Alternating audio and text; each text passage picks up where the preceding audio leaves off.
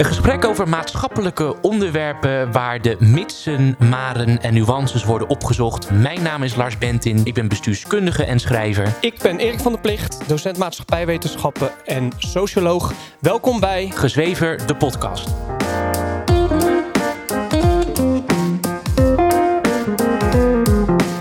Het meest in het oog springend, maar lastig analyseren is het verschijnsel van volheid.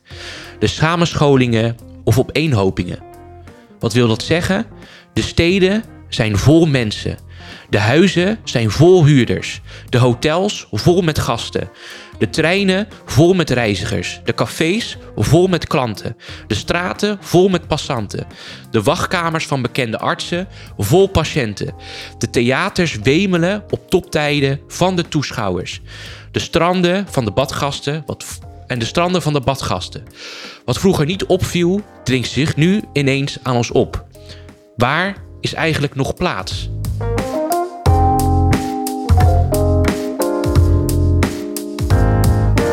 Goeiedag dames en heren, welkom bij weer een nieuwe aflevering van Gezweven de podcast. Goedemiddag. Goedemiddag, wij hebben er weer heel erg veel zin in. Ja, Eh, vandaag staat op het programma het onderwerp de schaduwzijde van de democratie. Ja, Daar wilde jij het eh, heel graag over hebben. ja. En, eh, ehm, en daar gaan we het dus ook vandaag over hebben. ja, Maar eerst willen wij het even hebben over een reactie van een luisteraar. ja. We hebben een reactie van een luisteraar ontvangen via de mail info.gezwevendepodcast.nl. En eh, dat vinden wij heel erg leuk. En die reactie gaat over de aflevering over jongeren, de depressieve jongeren en dat dat wel door sociale media komt. Steven, een luisteraar van ons, die heeft gereageerd en die zei, die stelt eigenlijk dat hij, ehm, hij noemde eigenlijk sociale media een ziekte die wij als maatschappij zelf hebben gecreëerd. Hij eh, schreef ook dat hij blij is dat hij er vanaf is. Dus ehm, hij heeft eh, waarschijnlijk geen sociale media meer. Dat is eh, helemaal top.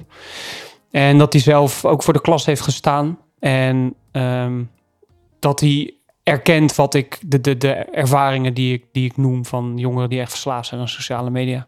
Ja. Dus eh, ja, daar wilden we het. eh, wilden we even mededelen, dat we Ja. reactie hebben gehad. Ik vind, heel, vind hem heel leuk om een reactie te ontvangen. Dus eh, ja, ik denk ook dat het leuk is om dus gewoon elke aflevering ehm, een, een reactie op te noemen. Ja. Of daar wat meer aandacht aan, aan te geven. Want we krijgen op sociale media veel reacties. Dus dat is, dus Ja. dat is fijn. zeker. Dus, de schaduwzijde van de democratie. Ja, Vertel. ja, het is een gevaarlijk eh, onderwerp eh, tegenwoordig. Eh, niet omdat eh, men het niet eens is met de democratie.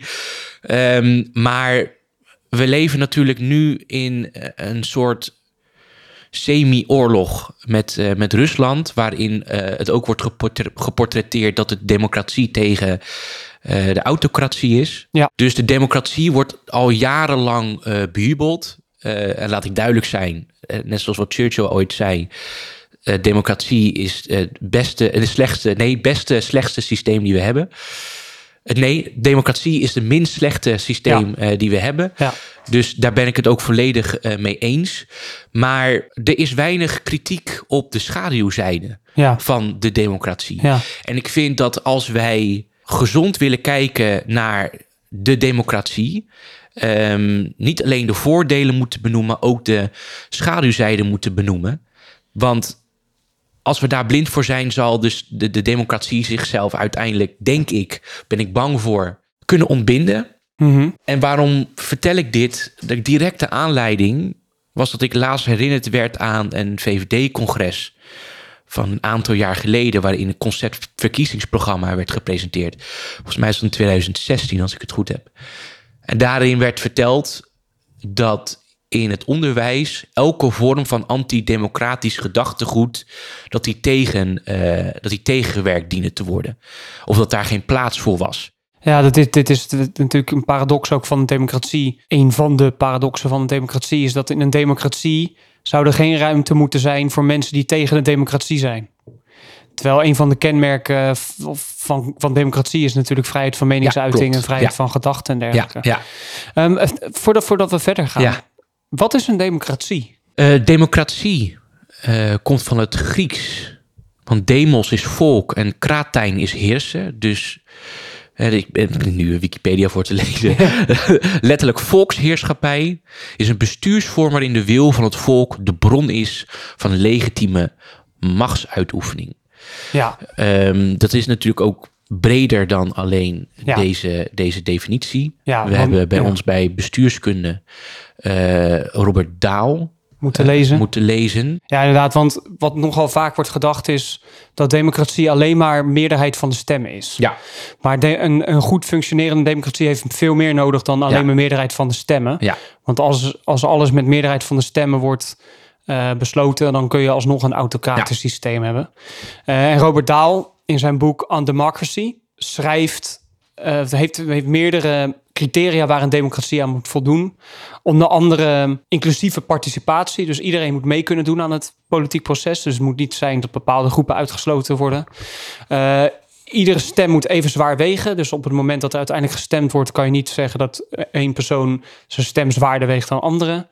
Eh, iedereen moet de mogelijkheid hebben zich goed in te lezen in het, eh, in het proces. En eigenlijk alle volwassenen moeten mee kunnen stemmen in de Ja. democratie. En wat we daarbij in, eh, in het Westen ook nog, nog zien, democratieën, is dat er ook waarden en normen bij horen als vrijheid van meningsuiting, het gelijkheidsbeginsel, ehm, rekening houden met minderheden en dergelijke. Dus democratie is meer dan alleen maar de meerderheid beslist. ja klopt. Het is echt een heel systeem met, met normen en waarden, waarbij gelijkheid en vrijheid van meningsuiting eh, en, en, en eigenlijk eh, representatie van, van iedereen uiteindelijk eh, het, belang, eh, het belangrijkste is. Ja, en dan heb je ook nog an- eh, verschillende vormen daarin. Hè, wat wij in Nederland kennen, de, de representatieve vorm. Ja, precies. Dat wij volksvertegenwoordigers uitkiezen Ja. die namens ons de politieke beslissingen nemen. Precies, precies. En dan heb je vooral vroeger in, het, in de oudheid Griekenland en ook Rome of Sparta. Waar eh, directe democratie, waar mensen dus echt direct op wetsvoorstellen mochten stemmen. Ja. Maar dat, da- daarom las ik net ook die, die criteria voor. Dat is het, oer, het oervoorbeeld van democratie. Maar in hedendaagse termen zouden we, zouden we dat geen eh, democratie meer noemen. Omdat vrouwen niet mochten stemmen. Ehm, heel veel volwassenen mochten niet stemmen. Ja, klopt. Dus ehm, dat zouden we nu geen democratie meer noemen. Dus democratie is meer dan de meerderheid beslist. Ja, klopt. Ja. Eh, niet te vergeten, directe democratie in, in Zwitserland. Een heel erg Oh ja, belangrijk eh, voorbeeld. Waarin sommige kleine gemeenten, hè, kantons. eh, ik, volgens mij bestaan er echt nog maar twee of één. Waarin ze letterlijk dan nog een, een paar keer per jaar dan nog naar het dorpsplein gaan. Ja. Om met z'n allen te stemmen. Die directe vorm van democratie. Met de referenda er ook natuurlijk nog bij. Dat is de- het kader van de democratie. Ja, En eh, daar wilde ik het over hebben, wat die schaduwzijden eh, daarvan zijn. Want ik had net verteld dat het bijvoorbeeld komt door bij eh, de VVD, dat elke negatieve gedachte of in ieder geval idee over de democratie, en als ze dat in het conceptprogramma hadden staan, om dat in het klaslokaal, om dat tegen te werken of niet toe te staan. Dat was natuurlijk gericht tegen het moslimfundamentalisme, het islamisme. Ehm, maar het zet me wel aan het denken van ja, weet je, wat, wat zijn die schaduwzijden van de democratie? Want het is niet altijd koek en ei, het is niet alleen maar mooi, het is niet alleen maar leuk en gezellig. Eh, er zitten ook bepaalde schaduwzijden in waar wij tegenwoordig de, directe negatieve gevolgen van ondervinden. En een van die eh, directe negatieve gevolgen is het vastlopen van ons hele maatschappelijke systeem. Een gebrek aan eh, van alles. Eh, grondstoffen, eh, productieprocessen, eh, arbeids, eh, ehm, mensen in, in op de arbeidsmarkt. ehm, alles lijkt crisis na crisis vast te lopen. En toen moest ik denken van ja, maar dat, dat is niet meer dan logisch in. Dat is niet meer dan een logische uitkomst in een democratie. Waarom? Omdat in een democratie, in, ieder geval in de democratie die wij tegenwoordig hebben, het gevoel heerst dat democratie vooral betekent overal waar je recht op wil hebben, eh, dat ook opeisen. En dat betekent dat iedereen dezelfde vorm van welvaart wil hebben. Dat iedereen eh, dezelfde vorm van luxe kledij wil hebben. Iedereen wil de mogelijkheid hebben om te reizen via de trein. Iedereen wil een auto hebben. Iedereen wil toegang tot onderwijs, hoger onderwijs. Iedereen wil alles tegelijk op dezelfde mate van welvaart. Wat met de beperkingen die wij in het leven hebben en ook op onze, op onze aarde natuurlijk, met betrekking tot grondstoffen, uiteindelijk resulteert in als niet iedereen dezelfde waarheid kan eh, welvaart kan krijgen, dan krijgt iedereen dezelfde mindere vorm van welvaart. Uh, in extreme vorm, in communistische systemen natuurlijk, uh, iedereen krijgt niks. Maar oké, dus wat je zegt is dat ons hedendaags systeem of onze hedendaagse maatschappij wordt gekenmerkt doordat iedereen recht denkt te hebben op alles. Ja, klopt. En um, waarom is dat? Kun je daar een concreet, echt een concreet voorbeeld van geven? Een heel concreet voorbeeld voor mij is de toegankelijkheid van het hoger onderwijs. Mhm. De afgelopen decennia hebben wij een focus in onze maatschappij dat we mensen zo hoog opgeleid willen hebben. Nou, tegenwoordig zien we dat wat de negatieve kanten daarvan zijn, want de vakmensen die zijn er gewoon niet meer.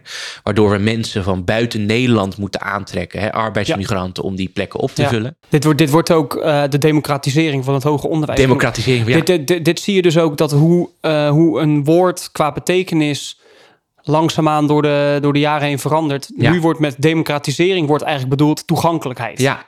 En het recht hebben op. Nou, maar het is ook bijna de. Uh, ik weet niet of je dat, die, die missie van de PvdA van vroeger nog weet. Dat is het nivelleren. Niet alleen van welvaart, maar ook van macht en van kennis. Uh, om, om mensen te verheffen, hele bevolkingsgroepen te verheffen naar een hoger niveau. En dat streven heeft ervoor gezorgd dat er zoveel mensen nu in het hoger onderwijs uh, zitten. Ja. En van het hoger onderwijs willen genieten. Dat we simpelweg de grondstoffen, de tijd en de mensen er niet voor hebben om dezelfde kwaliteit van het onderwijs te bieden. Ja, duidelijk. Dus, dus je ziet dat in onze maatschappij mensen door het democratisch systeem vinden en denken overal recht op te hebben. Ja omdat ook een van de, van de kenmerken natuurlijk van de democratie is het gelijkheidsideaal. Ja. En dat we daardoor, dat, daardoor eigenlijk het systeem vastloopt. Ja. Ik heb net al een beetje gezegd dat met het gelijkheidsideaal. Maar waarom schrijf je, schrijf je dat toe aan de democratie? Waarom ik dat toeschrijf aan de democratie is omdat de democratie ervoor heeft gezorgd dat de massa, dus de hele, de hele bevolking, dus boven de 18 jaar bij wijze van spreken, nou niet bij wijze van spreken, boven de 18 jaar, via de politieke macht alles kan opeisen wat zij wil. Zonder na te doen, hoeven denken wat de directe gevolgen daarvan zijn. Dus de bevolking heeft een hele directe manier om hun behoeftes te vervullen. Uh, als voorbeeld, dat zie je natuurlijk nu, er is nu een roep ontstaan om een minimumloon te verhogen. Met best wel een hoog bedrag, namelijk naar 14 euro uh, per uur. Mm Je hoeft maar te stemmen op een aantal partijen die dat ook willen, of misschien nog ineens op de partijen meerderheid te helpen. Want het kan ook als een compromis natuurlijk eruit komen.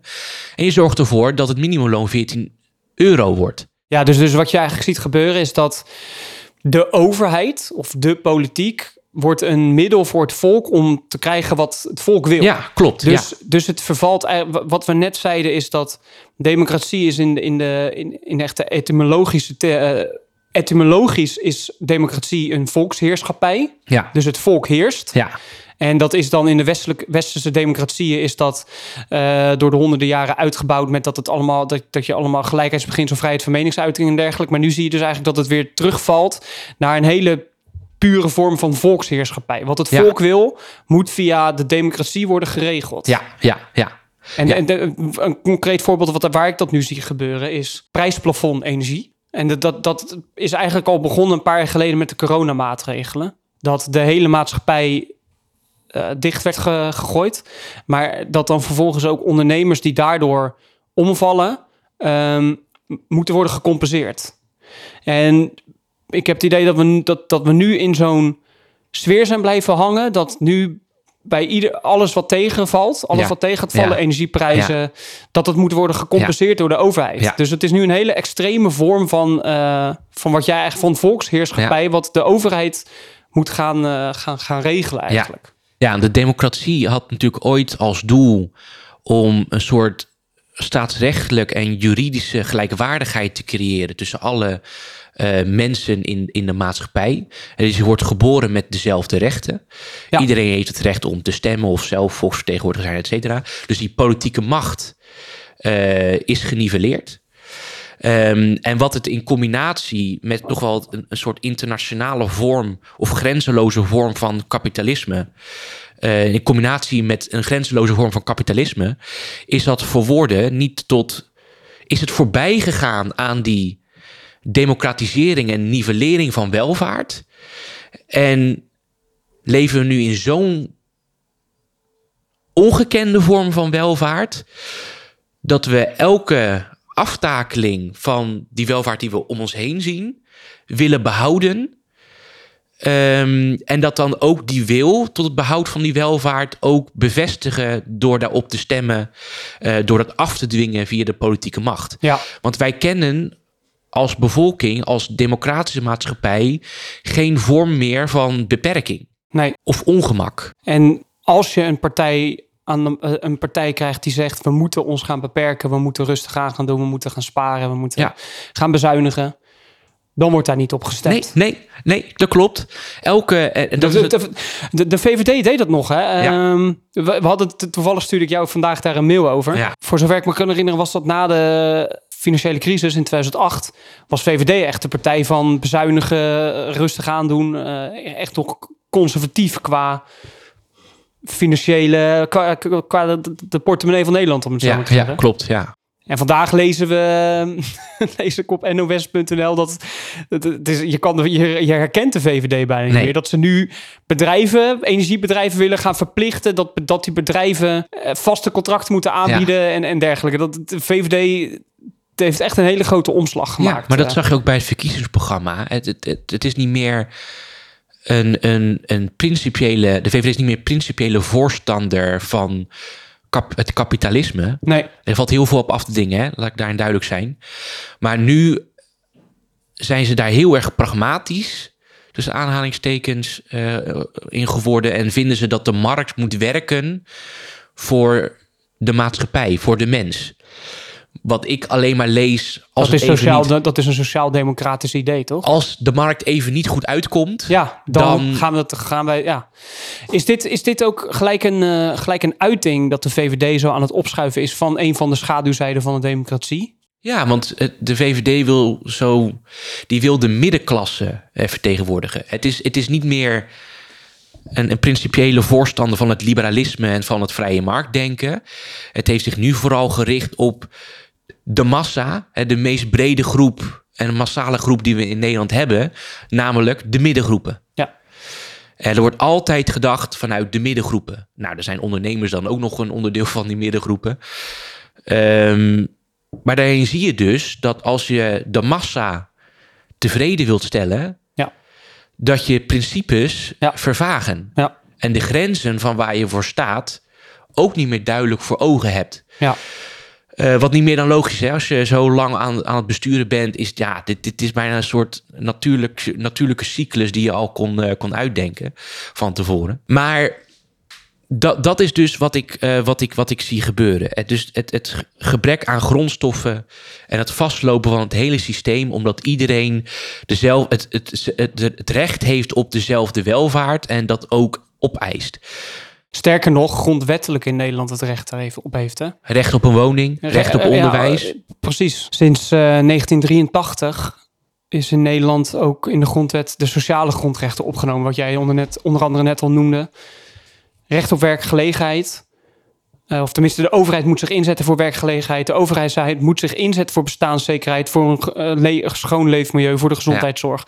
Dus wij hebben ook nog eens een keertje in onze grondwet die sociale rechten verankerd, wat dus de overheid min of meer verplicht eigenlijk maatregelen als het prijs- prijsplafond te nemen. Ja. Omdat ze, de overheid moet zich daar grondwettelijk, Ja, moeten ze dat doen. ja. Omdat het in de grondwet staat. Nou ja, vroeger was, was er natuurlijk nog de discussie, want die, die herziening van de grondwet met die sociale rechten ja, laten natuurlijk volledig vaag en open hoe dat geregeld dient te worden. Ja, Ja, dus dat kan- kan, eh, tot, het, tot het extreme door Ja. worden doorgevoerd. Ja, ja, klopt, ja. Dus daar werd vroeger nog wel over gediscussieerd over... oké, maar dat de overheid ervoor moet zorgen eh, eh, voor voldoende werkgelegenheid... dat hoeft niet per se door een actieve overheid... die bij wijze van spreken melkertbanen moet gaan creëren... om iedereen maar een baantje te geven. Ja, precies. Eh, om als voorbeeld eh, te, geven. Eh, maar tegenwoordig, en dat zie je steeds meer gebeuren de afgelopen decennia, moet de welvaart beschermd worden door een actieve inmenging van de overheid. Eh, wat ook bijna, wat, wat ik ook heel logisch vind, want niemand wil inleveren in welvaart. Je, je ziet het al bij de, de jongere generaties die ontzettend boos zijn dat de oudere generaties dingen hebben opgebouwd, gespaard, een huis hebben. Ja. Ehm, nou, ik wil zeggen, daar jaloers op zijn. Nou, die, die, die dat onrechtvaardig vinden, dat zij dat dus nu niet hebben. Waarvan ik zelf zoiets heb van ja, weet je, je hebt niet het recht om. Niet elke ge- generaties hebben niet het recht om het beter te hebben dan, Dan de de generaties, generaties ervoor. ervoor. Ja. Dat gaat ook niet. Nee. En in dat opzicht ben ik het ook eens met, eh, met de Partij voor de Dieren, die in 2012 al met dat idee kwam, wat ik toen bespottelijk vond. Maar toen eh, was ik ook nog een stereotype VVD'er die helemaal niet open stond voor andere ideeën. Eh, die zei van de, de economische groei Je hoeft niet het uitgangspunt te zijn van Nee, overheidsbeleid. precies, Nee, ja. Maar waarom ik dit dus, Ja. dit onderwerp wil bespreken, is omdat er een mooi boek eh, in mijn, in mijn boekenkast ligt. Dat heet De opstand van een massamens van José Ortega y Gasset. Eh, ik zal nog eventjes op de site eh, een link daar eh, voor sturen en ook op sociale media de naam, de naam, op, de naam opschrijven. En die heeft het over dus de opstand van de massamens als gevolg van de democratisering van de maatschappij. En dus hij gaat specifiek in niet op de democratie aan zich. Eh, en de democratie aan zich, eh, dus de nivellering van politieke macht. Maar van wat doet een democratie eh, met de massa die ineens alles aangereikt krijgt. Niet alleen macht, maar ook welvaart, kensen, ken- kennis en kansen. Wat, wat doet de massa daarmee? Wat gebeurt er met Ja. een hele beschaving op het moment dat de massa de norm wordt in plaats van een kleinere groep mensen die de politieke macht eh, heeft? Een kleine groep mensen die de, eh, de, de macht heeft, is eh, een ari- aristocratie. Ja, aris- aristocratie, klopt. Ja, ja. ja. Even kijken. Om dit fenomeen goed te begrijpen, hè, opstand van een mes, of massamens, doen we er om te beginnen goed aan woorden als opstand, massamens, maatschappelijke macht en dergelijke niet uitsluitend een politieke lading toe te kennen. Het maatschappelijk leven is niet beperkt tot de politiek, maar omvat eveneens en zelfs nog meer het intellectuele, morele, economische en religieuze leven. Het omvat alle gemeenschappelijke gewoonten, met inbegrip van hoe men zich kleedt en zich vermaakt. Misschien kunnen wij dit historisch fenomeen het best begrijpen door onze ogen de kost te geven, te kijken naar wat zich momenteel aan ons voordoet. Het meest in het oog springend, maar lastig analyseren is het verschijnsel van volheid, de samenscholingen of opeenhopingen. Wat wil dat zeggen? De steden zijn vol mensen. De huizen zijn vol huurders. De hotels vol met gasten. De treinen vol met reizigers. De cafés vol met klanten. De straten vol met passanten. De wachtkamers van bekende artsen vol patiënten. De theaters wemelen op toptijden van de toeschouwers. De stranden van de badgasten, wat en de stranden van de badgasten. Wat vroeger niet opviel, dringt zich nu ineens aan ons op. Waar is eigenlijk nog plaats? En dit gevoel, wat hij hier omschrijft, is tegenwoordig precies hetzelfde. Ja, want wat, wat, wat de luisteraar hiervan moet weten, is dat dit boek geschreven is in 1933. Ja, in de jaren 30. Dat is echt. Dus het, hij omschreef eh, toen al een fenomeen van wat we nu eigenlijk in nog extremere vorm zien. Ja. Want wat je net voorlas, wat, eh, wat maak je daarvan? Sterker nog, 1929. Oh, wat erg. 1929, oké. Ja, sorry. Wat- Wat, wat maak je ervan wat je net voorleest? Nou, wat ik net, net, net voorlees, als ik dan een analogie trek naar wat er dus nu gebeurt. Iedereen heeft het gevoel, en laatst was er nog artikel over de treinen zitten vol. Ja, de, de, de stranden zitten vol. De stranden zitten vol. er is geen, je kan geen huizen meer huren. Je- Ja, precies. Dus t- ja, Dat, hier gebeurt dus precies hetzelfde. En wat in deze tijd natuurlijk gebeurde, is dat mensen ineens de macht kregen eh, en de positie kregen, de massa, om die ruimte op te eisen. Hè, wat vroeger eerst nog eh, de maatschappelijke elite, waar toen nog plaats voor was, en zij het de salons, zij het eh, de horeca, hotels, weet ik veel wat, alles was een luxe product. ja, Overal is nu plaats Ja. voor eh, de massa. Dus die analogie wil ik eventjes trekken. Dit is één op één bijna te leggen met wat er dus, eh, wat er dus nu gebeurt. Wil ik nu een ander stukje voorlezen die daar hierop doorgaat. Want daar gaat natuurlijk tussendoor nog allemaal in op andere, andere aspecten. Hij zegt... De massa is plotseling zichtbaar geworden en heeft bezit genomen van de voornaamste posities in de maatschappij. Ze waren er vroeger ook wel, maar ze vielen niet op. Ze vormden toen de achtergrond van het maatschappelijk toneel. Nu staan ze als protagonist voor het voetlicht. Er zijn geen hoofdrolspelers meer. Er is eigenlijk alleen nog maar het koor over. in zekere zin is, is iedereen natuurlijk een hoofdrolspeler geworden. Ja. En omdat iedereen een hoofdrolspeler is, is er geen hoofdrolspeler meer. Nee, ja, precies, ja. Door die democratisering. En deze bewoording uit zich ook in de hedendaagse maatschappij. Zeker in Nederland is dat totaal doorgeslagen. Als je je hoofd boven het maaiveld uitsteekt, word je gekortwiekt. ja, Er mag geen verschil zijn Nee. tussen mensen. Iedereen wordt aangespoord om het meeste uit zichzelf te halen. Maar oh wee, als dat gebeurt, word je gekortwiekt. ja, Want je neemt de ruimte in die iemand anders Ja. met minder macht of met minder kennis of een andere positie zou kunnen innemen. Ja, daar hebben we het natuurlijk over gehad in de aflevering, onder andere over eh, MBO, MBO'ers. Ja, nee, klopt. Die vinden dat ze precies hetzelfde moeten worden behandeld als universitaire studenten, Ja. terwijl ze niet hetzelfde zijn. En, Nee, klopt. Ja, Ja, dit is het. Dus net eventjes vertellend over eh, dat de, de massa, dus de gemiddelde mens, eh, de positie heeft overgenomen in eigenlijk heel de maatschappij. En nu komt er eigenlijk, wil ik een stukje voorlezen, wat ik dus nu denk tegenwoordig. Men wil dat de gewone man heer en meester is. Maar wees dan ook niet verbaasd als hij zijn eigen weg gaat en handelt zoals het hem goed dunkt. Dat hij allerlei vormen van vermaak opeist, zelfverzekerd zijn wil oplegt, iedere vorm van dienstbaarheid weigert, dat hij aan niemand onderdanig is, dat hij voor zichzelf zorgt en zijn eigen plezier najaagt, dat hij zich zorgvuldig met kleren profileert.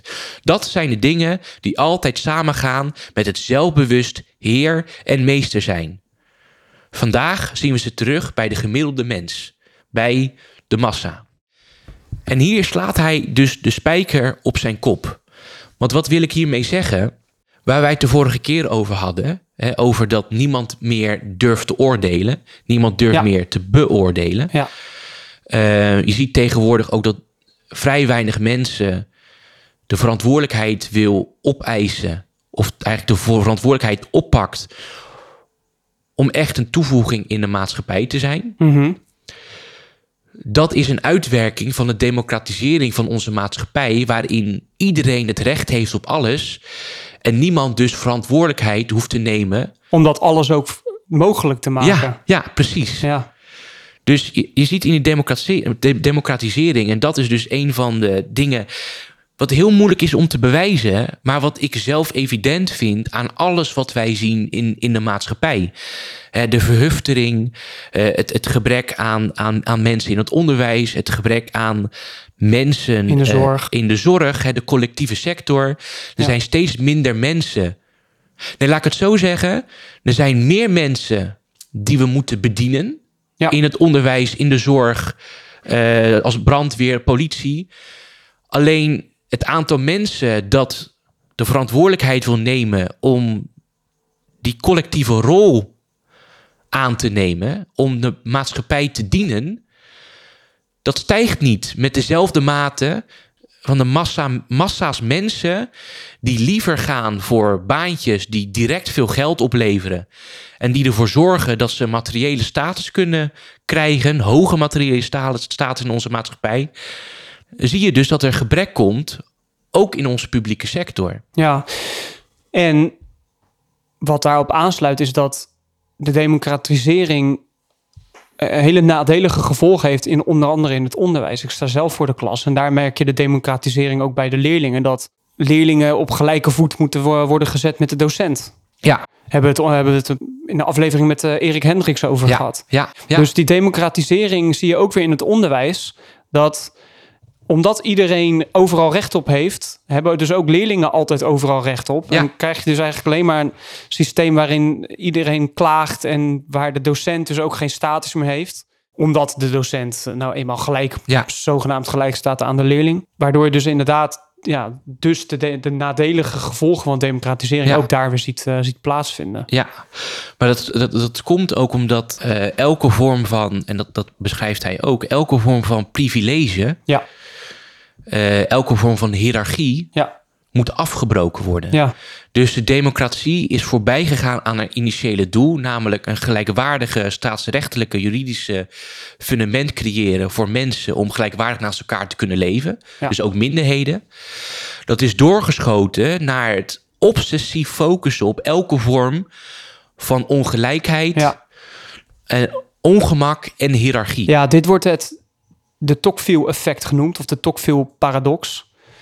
Wat het eh, fenomeen is dat hoe beter sociale, de sociale condities in een land worden, dus hoe meer welvaart en welzijn er is, en hoe meer kansen mensen dus krijgen, dus wat jij net omschrijft, Ja, hoe eh, groter de frustratie onder het volk wordt als er eventjes geen welvaart en nee, welzijn ja is. klopt. Ja. Dus hoe meer gelijkheid er wordt gecreëerd eigenlijk, hoe beter het wordt.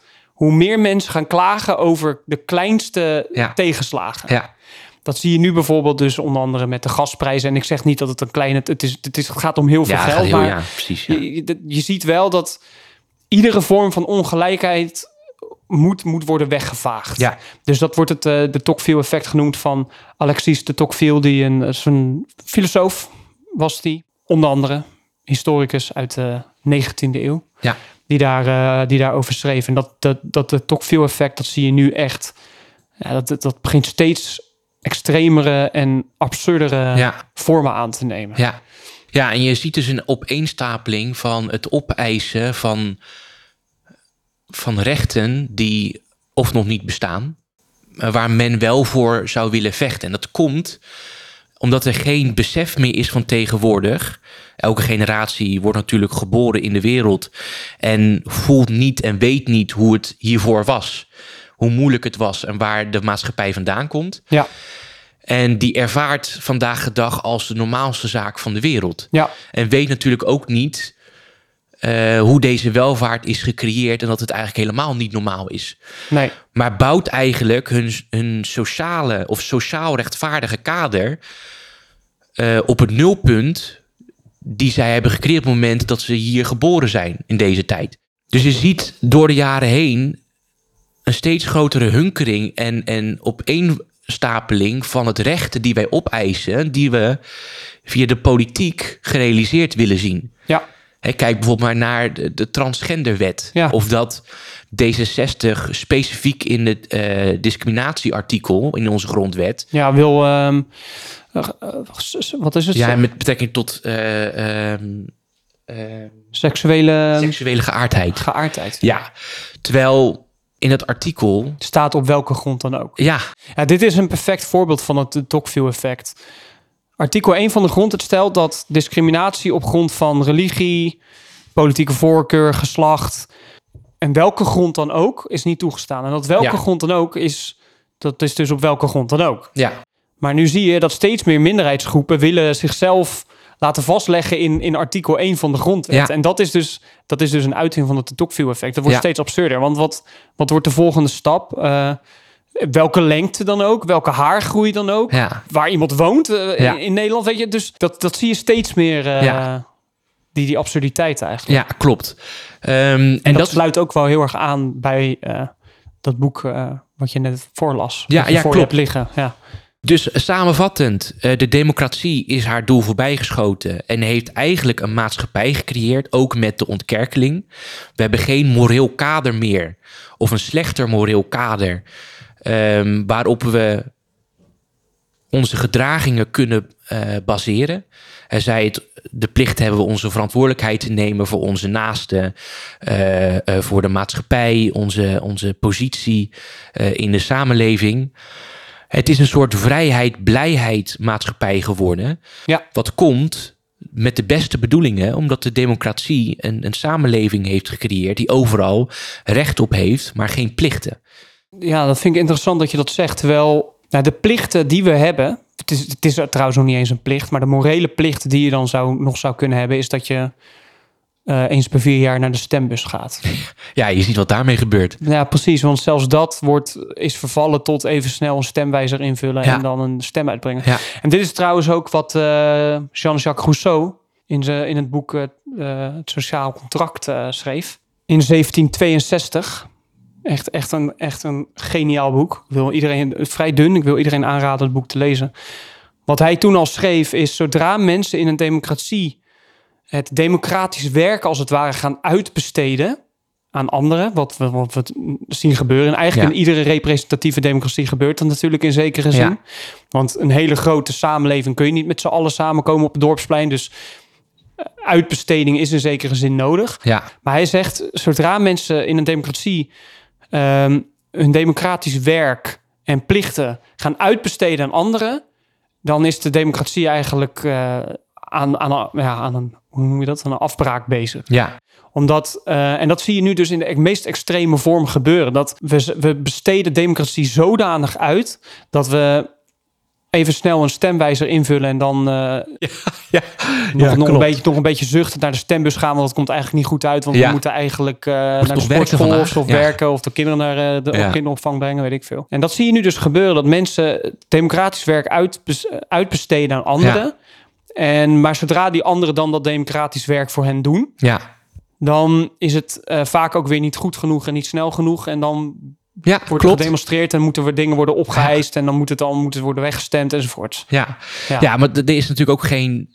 De, de, de vervloeiing van tijd, tijd en ruimte hebben ook geen betekenis meer tegenwoordig met de Nee. sociale media. Ja, Dus het, het ongeduld van Ja. mensen tegenwoordig komt daar natuurlijk ook door. ja maar, door dat, de ongekende welvaart die, Ja. wij, eh, die wij kennen. maar dat komt natuurlijk ook omdat, omdat het dus wordt uitbesteed. Ja. Mensen hebben ook helemaal geen binding Nee. meer met het hele politieke proces. Nee, ja, klopt. En toch nog eventjes heel even door met Rousseau. Want wat hij ook schreef in, eh, in het sociaal contract... is dat wetten in een democratie moeten...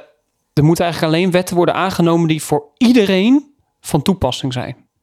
Dus een wet, zoals wat jij net zei... wat de basis van een democratie zou moeten zijn... eh gelijke, eh, eh, ge- gelijkheidsbeginsels. Je mag niet Ja. discrimineren. Ja. Vrijheid van meningsuiting geldt Ja. voor iedereen. Dat er een goede infrastructuur is en dergelijke. Dus regels en wetten en infrastructuur die voor iedereen geldt. Ja, Zodra je in een democratie wetten gaat aannemen die gericht zijn op één groep, ja, ja, ja, ja, ja. ja. ont- on- ben je dus eigenlijk, dat is volgens Rousseau zeer ongewenst. Omdat Ja. je dan, ben je in zekere zin aan het doen aan cliënti- cliëntisme. ja. En cliëntisme, dat houdt in dat een politieke partij wetten en dergelijke gaat aannemen die alleen maar ze, ah, de eigen achterban Ja. steunt. En dat zie je nu dus bijvoorbeeld met het vrouwenquotum ja. of eh, dat soort wetten. Maar dat, dat, nou, dat niet alleen. Je ziet het ook aan eh, de, de, het feit dat D66 en de VVD nou, en groter zijn geworden zelfs de afgelopen verkiezingen. Ehm, ook al zijn ze af, eh, afges- eh, opgestapt vanwege de toeslagenaffaire. Ja, Er is gewoon een grote groep mensen die, en de, de massa, een grote groep mensen die hun eigen belang ja, ja, willen, eh, willen beschermen. ja.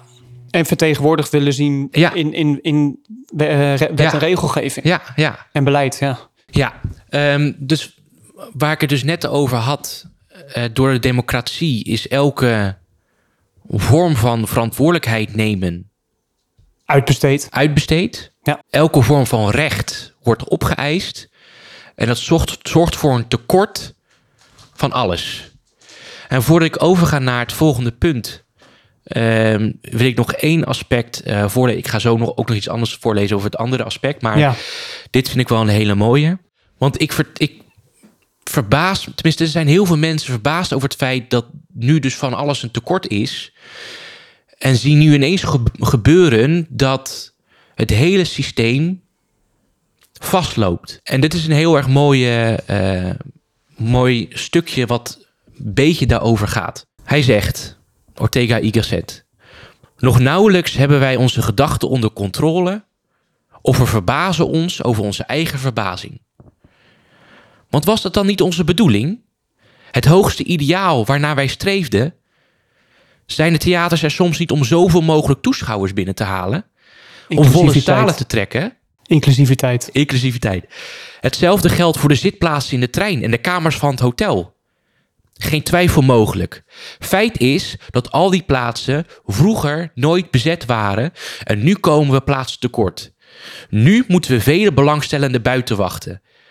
Hoe logisch en natuurlijk dit ook is, is, we kunnen niet ontkennen dat het vroeger niet voorkwam en nu wel. Er heeft zich dus een verandering voltrokken. Een vernieuwing die, althans op het eerste gezicht, onze verbazing rechtvaardigt. En dat wilde ik er dus mee zeggen. Heel veel mensen zijn verdwaasd en verbaasd over het feit dat het hele systeem nu vastloopt. Politici lopen voorop daarin. Uiteraard. Die, die zijn verontwaardigd over van alles wat er nu gebeurt. En denken ook nog de oplossing te hebben op het gebrek dat wij nu ervaren. En die denken zelfs dat we hele simpele oplossingen hebben. Zoals het prijsplafond bijvoorbeeld. Maar gaan voorbij aan, de volledige log- aan het volledige logische gevolg... dat als iedereen overal recht op heeft... Ja. er gebrek is aan van alles. Ja, uiteindelijk wel, ja. En dat merk je ook aan, terecht hoor, dat we nu aan het kijken zijn naar de grenzen van onze samenleving. Met betrekking tot stikstof, niet alles kan. Met betrekking tot vlees, we kunnen geen biomassa-industrie meer eh, overeind houden. Aantal boeren kan niet meer. Nee. Aantal grondstoffen en huizen, plek is er niet meer. En als er wel plek is, willen we die plek dan wel laten innemen door huizen. Want we vinden het ook heel erg belangrijk dat er genoeg groen is. Dat er genoeg eh, bossen zijn. We moeten in de producten moeten van alles en iedereen voorzien. Maar er moeten standaarden zijn voor milieueisen. We gaan voorbij aan al onze wensen. En wat voor gevolgen die wensen hebben op de voltrekking die nu plaatsvindt in onze maatschappij, namelijk het tekort van alles.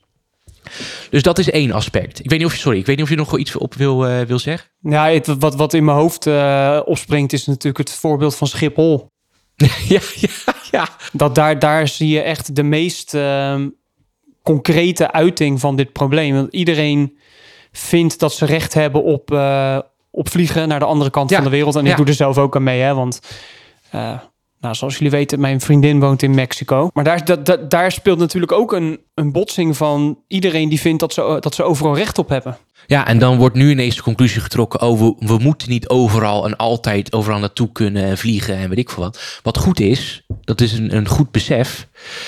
Ehm, maar waar ik me gewoon vooral over verbaas, is dat iedereen dit allemaal terecht, hè, iedereen vindt het terecht erg, eh, maar niet kan zien dat de democratie dit als gevolg heeft. Ja. Wat nog steeds niet, niets afdoet aan het feit dat de democratie de enige goede vorm is die we tegenwoordig Ja. kunnen hebben om aan iedereen recht te doen. Ja, ja Maar dat- dit- dit- we moeten wel voor de luisteraar duidelijk maken dat dit niet een dat deze aflevering niet is bedoeld om alleen maar eh, de democratie. Nee, ja, eh, precies. Het is niet, laten we de democratie omverwerpen en een Nee. nieuwe aristocratie Nee. installeren. Maar de, de titel van de aflevering is de schaduwzijde Ja, van de democratie. Dus dit is de, de schaduwzijde Ja. van de democratie. Ja. Dus om het, het probleem van tekort op te lossen, Mhm. moeten we eerlijk zijn over die schaduwzijde van de democratie. Ja.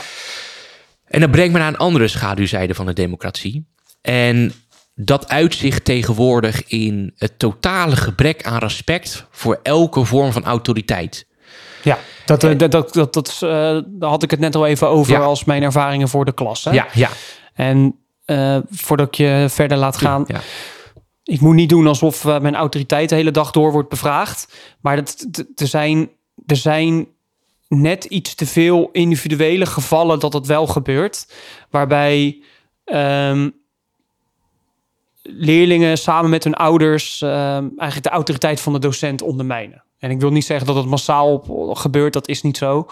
Maar het gebeurt wel steeds vaker. Ja, En dat hoor ik ook van collega's. ja, Vooral, en ik weet niet of dat een eh kausaal verband is of een correlatie of dat het er niets mee te maken heeft. Vooral sinds corona. ja, Sinds corona zien we steeds meer ouders en leerlingen die dingen proberen op te eisen. ja, ja. Maar we, de, we- misschien nog te kort dag om daar echt eh, conclusies aan te trekken. Maar ik, ik hoor het, je leest het op, op het nieuws. Maar ik heb het er ook met mijn collega's over. Is ook mijn eigen ervaring dat het steeds meer zie gebeuren. Ja, dat, dat zie je natuurlijk ook. Het is niet voor niets ook een uiting in de serie eh, de, de Luizenmoeder. De, de ouders die Ja, denken dat- ze altijd en Ja. overal gelijk hebben. Dat het niet ligt aan hun kind, maar Nee, dat het nou, ligt aan... dat. Ja, en de, de luizenmoeder is natuurlijk een eh, satire. Maar daar, dus, waarom vinden zoveel mensen het zo ongelooflijk grappig? Omdat het natuurlijk... Een kern van waarheid heeft. Ja. En, de- en de spijker eh, ja, heel, heel goed op zijn kop slaat. Ja, precies. Maar je ziet het ook aan allerhande complottheorieën. En de Ja. beste uiting is de eh, sociale media. Wat ik verbazingwekkend vind, is dat we allemaal zo verbaasd zijn... wat voor gore dingen er worden geuit op sociale media. Sociale media komt iedere keer weer terug eh in Ja, onze het is-. Het is, gewoon een heel groot probleem. Ja, Ja. ga door. als iedereen, het is democrati- democratisering, niet alleen eh, internet was democratisering van kennis. En je ziet wat voor perverse dingen dat eh, voortbrengt. Maar hetzelfde met sociale media.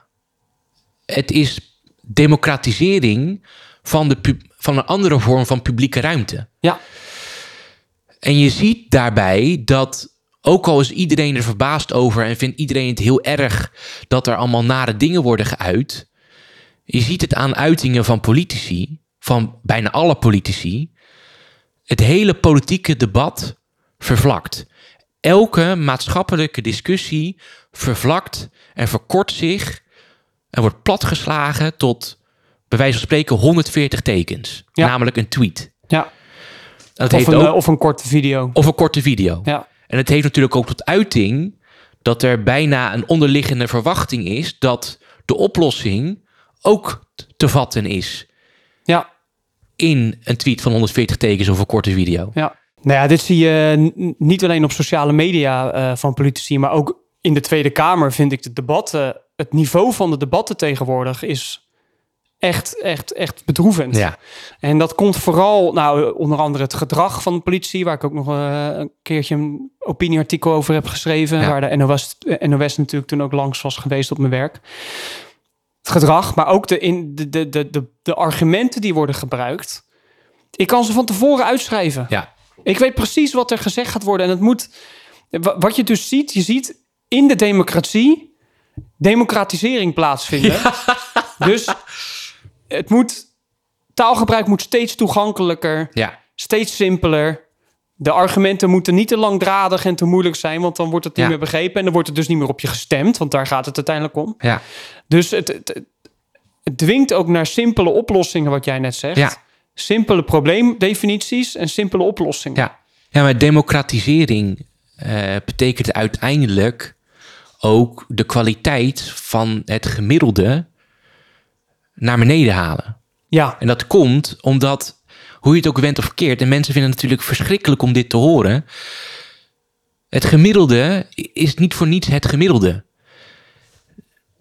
Dus op het moment dat je democratisering laat plaatsvinden, eh, niet alleen met betrekking tot politieke macht, maar ook met kennis eh, en ook in de economie, zorg je dat het gemiddelde middelmatig wordt omdat dat de norm wordt. Het- De norm wordt het gemiddelde. Daarom zie je ook dat met de toegankelijkheid van het hoger onderwijs... dat de kwaliteit van het onderwijs achteruit gaat. De norm verandert. En dat is ook iets wat ik dan wil aangeven met eh, die schaduwzijde. Ja, Dat democratisering ervoor zorgt... Hè, dat iedereen het, dezelfde rechten heeft op alles... dat onze respect voor autoriteit en voor hiërarchie... die overal plaatsvindt... niet iedereen is een goede schilder... nee. Ook al is met de moderne kunst tegenwoordig vinden we alles kunst, maar goed. Eh, niet iedereen is een goede klusjesman. Eh, niet iedereen is een goede sporter. Er is een hiërarchie daarin. Maar dat mogen we tegenwoordig niet meer benoemen, want iedereen moet gelijkwaardig zijn en iedereen moet gelijk zijn. Ja. Dus ook met onze rol in de maatschappij als het gaat om kennis, politieke hiërarchie en intellectuele hiërarchie. En daar wil ik nu een stukje uit voorlezen eh, uit hetzelfde boek. Ik denk dat niemand zal betreuren dat mensen tegenwoordig in grotere aantallen en in hogere mate van het leven genieten. Omdat ze nu zowel zin erin hebben als de middelen ervoor. Het kwalijke is echter dat de beslissing van de massa om zich te begeven in het domein van de minderheden zich niet alleen manifesteert en niet alleen kan manifesteren op het gebied van vermaak, maar dat het een algemeen verschijnsel van onze tijd is. Zo geloof ik, om op de rest van mijn betoog vooruit te lopen, dat de bestuurlijke vernieuwingen van de afgelopen jaren niets anders betekenen dan de politieke heerschappij van de massa's. De democratie, oude stijl, werd snel werd gematigd door een sterk verankerd liberalisme en een diepe eerbied voor de wet. Door die beginselen in acht te nemen werd het individu gedwongen om zichzelf krachtig in toom te houden. De minderheden konden zich vrij bewegen onder de bescherming van het liberale idee met de daarbij behorende wetten. Democratie en wet waren synoniem. Samenleven viel onder de wet. Vandaag de dag beleven we echter de triomf van een hyperdemocratie, waarin de massa direct op de voorgrond treedt, zonder zich iets van de wet aan te trekken, ten einde onder druk voor elkaar te krijgen wat haar zint. Het is onjuist om te veronderstellen dat deze nieuwe situatie het gevolg is van een politieke matheid van de massa die het bestuur liever aan bepaalde personen overlaat. Integendeel, dat is wat vroeger gebeurde. Dat was de liberale democratie. De massa ging er toen van uit dat de minderheden en de politieke vertegenwoordigers, ondanks hun tekortkomingen en beperkingen, nog altijd meer verstand hadden van maatschappelijke vraagstukken dan zijzelf. Maar nu meent de massa het recht te hebben om borrelpraatjes een wettelijke status te geven en bindend te verklaren. Ik denk, ik denk niet dat het ooit eerder in de geschiedenis is voortgekomen dat de massa op zo'n directe manier macht heeft uitgeoefend als tegenwoordig. Daarom spreek ik van een hyperdemocratie. Dit stuk symboliseert voor mij, want ik maak weer een analogie. Dit is, dit, dit is de aflevering van de analogieën van een tekst van eind jaren 20, begin jaren 30 naar nu. Ja, Bijna dezelfde tijd en eeuw, eeuw bijna, later. bijna 100, eh, 100 Ja. jaar geleden, ja. Ehm, dit is de analogie die ik trek, die ik tegenwoordig dus ook zie gebeuren. Hè, de democratisering van macht en kennis zorgt ervoor dat iedereen het gevoel heeft dat zijn werkelijkheid, zijn gedachten even waard zijn als Evenveel waard zijn. evenveel waard zijn als de mensen die ervoor gestudeerd heeft, die ervoor gekwalificeerd zijn, die ondanks alle tekortkomingen, niemand heeft de waarheid in pacht, alsnog gemiddeld meer weten of meer expertise hebben eh, in een bepaald aspect van het maatschappelijk leven. Ja. en dat is dus ook wat ik net probeerde om, om omschrijven naar, eh, na, tenminste over wat Rousseau zei, hè, over zodra mensen de, eh, politiek werk gaan uitbesteden aan anderen, dan is de democratie eigenlijk Ja, afgeschreven. Want het punt daarbij is, van, want hier lijkt ehm, Ortega y Gasset tegenin te gaan. Door te zeggen dat vroeger, in de klassieke democratie als het ware, dus de klassieke eh, democratie oude stijl, werd democratie uitbesteed aan mensen die er echt verstand van hadden. En dat Ja. accepteerde het volk als ja, het ware. ja, ja, ja. Wat nu dus het probleem is, is dat men politiek uitbesteedt. eh er eigenlijk helemaal geen moeite voor doet. Maar vervolgens geen vertrouwen heeft in de mensen aan de top. om het dan dat, dat ze het goed doen. Dus Ja. het wordt en uitbesteed. maar vervolgens wordt er wel als een kleinkind eh gezeurd. als er iets niet snel genoeg gaat. of niet Ja. gaat zoals men wil. ja klopt. Dus wat dat betreft vind ik dat je als individu moet kiezen of je besteedt het uit en je hebt vertrouwen in de politicus die dat werk dan voor jou doet, Ja, zodat jij eh, kan winkelen en eh, kan sporten en, enzovoorts.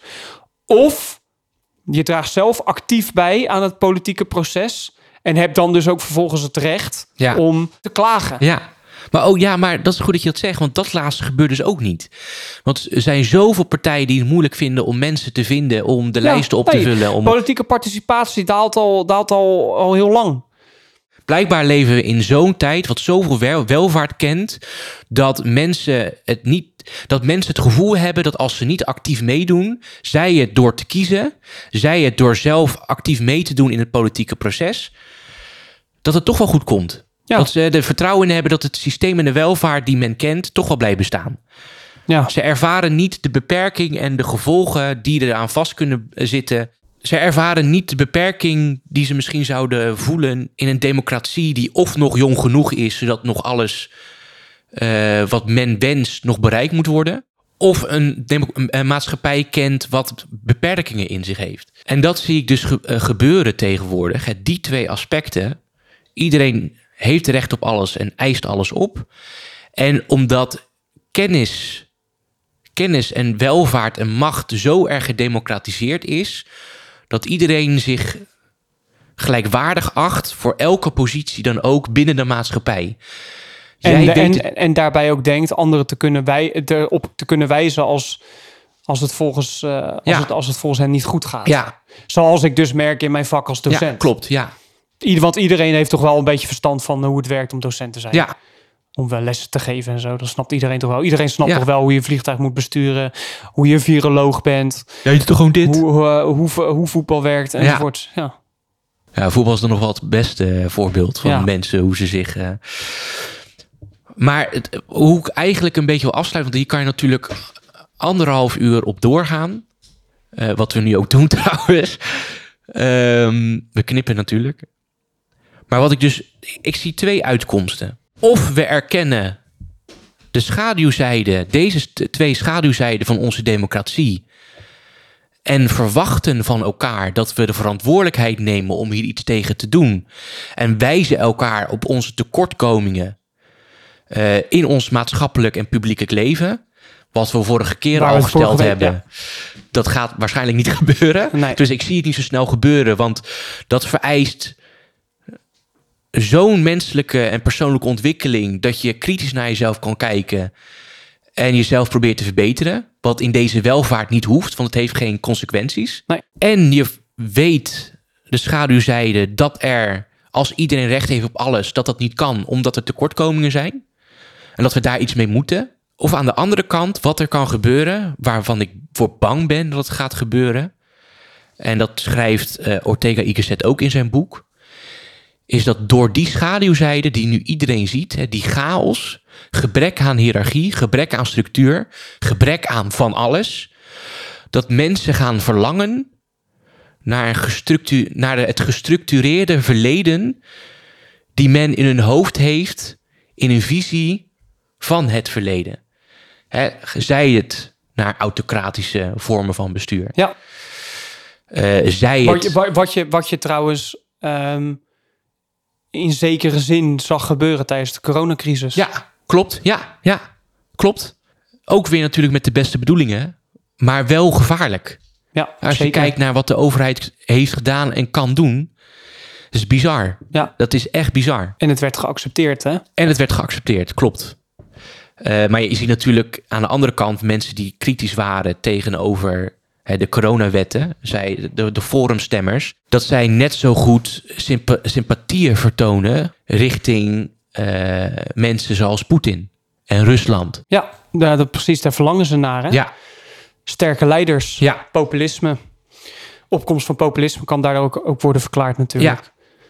Waarmee ik niet mete- meteen wil zeggen dat populisme per, per definitie slecht is, maar Nee, ja, precies. Ja. Of je ziet dus een andere uiting waarin de overheid dus ook de macht overneemt. Of die rol opeist van de structuurder. Dat het een belangenstrijd wordt.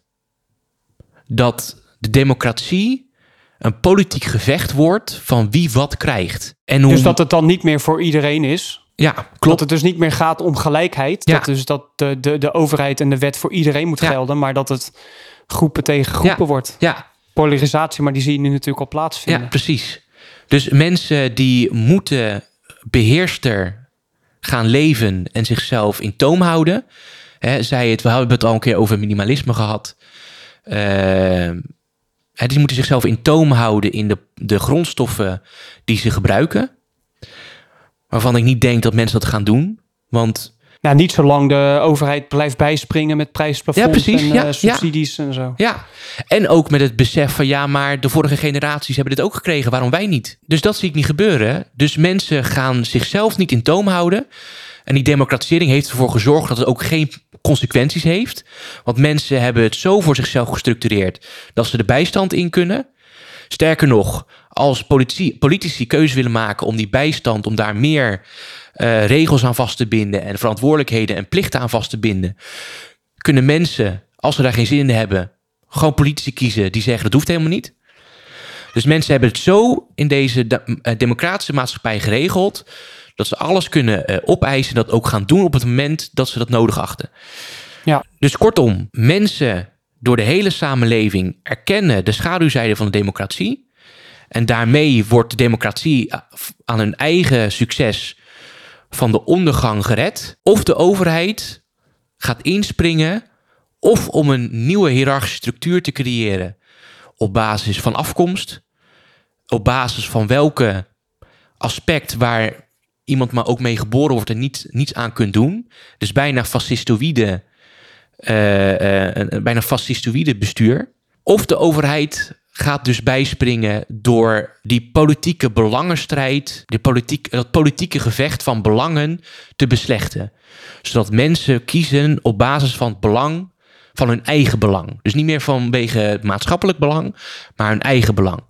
Het is dus bijna die hoefvorm, of het wordt het fascisme of het wordt het communisme, het wordt, of het wordt een klassenstrijd op basis van het economisch belang, of op basis van een bepaalde Cultuur. cultuur, hiërarchische structuur op basis van cultuur bijvoorbeeld.